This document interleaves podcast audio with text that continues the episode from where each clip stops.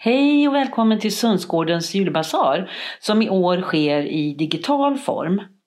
Årets insamlade medel går oavkortat till kvinnojouren i Helsingborg och deras viktiga arbete.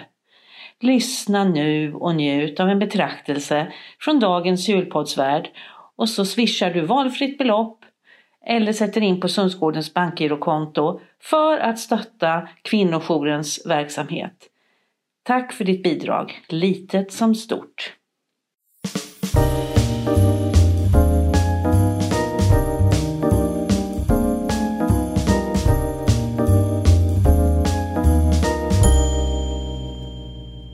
Framsidan, den har nog varit röd en gång i tiden. Det är bara ett häfte, alltså inte ens en bok. Och sidorna är gulnande, eh, minst sagt, och luktar fuktig vind. Ett litet ord på framsidan. Poesi. En blomstergirlang i guld ramar in rubriken. Jag bläddrar försiktigt och tänker att nu ska jag få läsa lyrik på riktigt, som det var förr i tiden. Finstämd, högtidlig och vacker. När du ligger på din dyna, tänk på mig din lilla slyna. Va?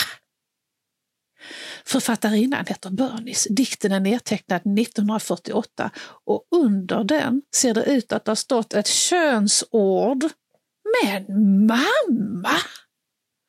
Och jag som brukar berätta för mina elever att när min mamma var ung då kunde man skriva poesi. Till skillnad från när jag var ung och det mest lyriska man kunde få läsa i sin poesibok var Låt mig rulla i ditt hjärta som en liten, liten ärta. Jag bläddrar vidare.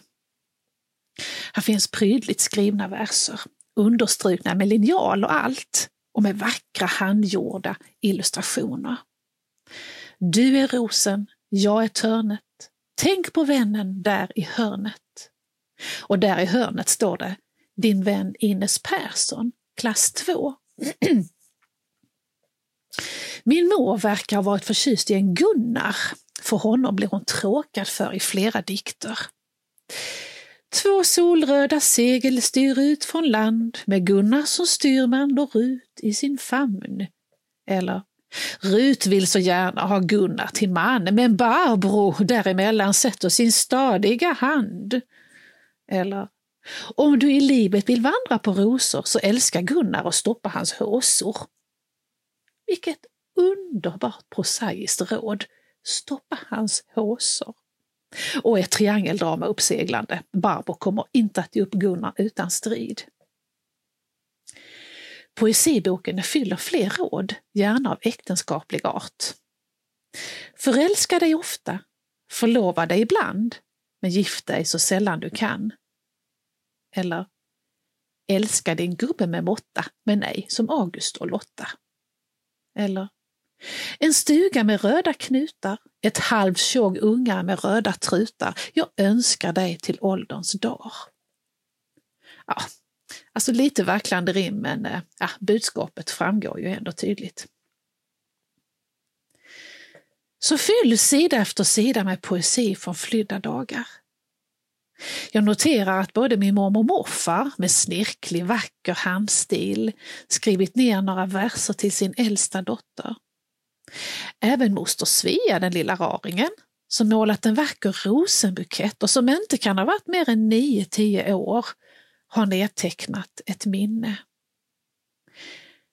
Allra, allra sist har din vän Margit skrivit Lilla Rut, söt och rar, ska vi minnas i alla dagar. Idag är det fem år sedan hon dog, min mamma Rut. Och just idag har hennes poesibok landat här hos mig. Det där 14-åriga mammajaget kände jag naturligtvis aldrig.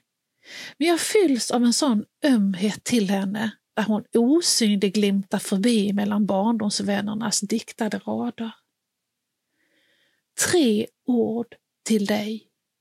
Glöm aldrig mig.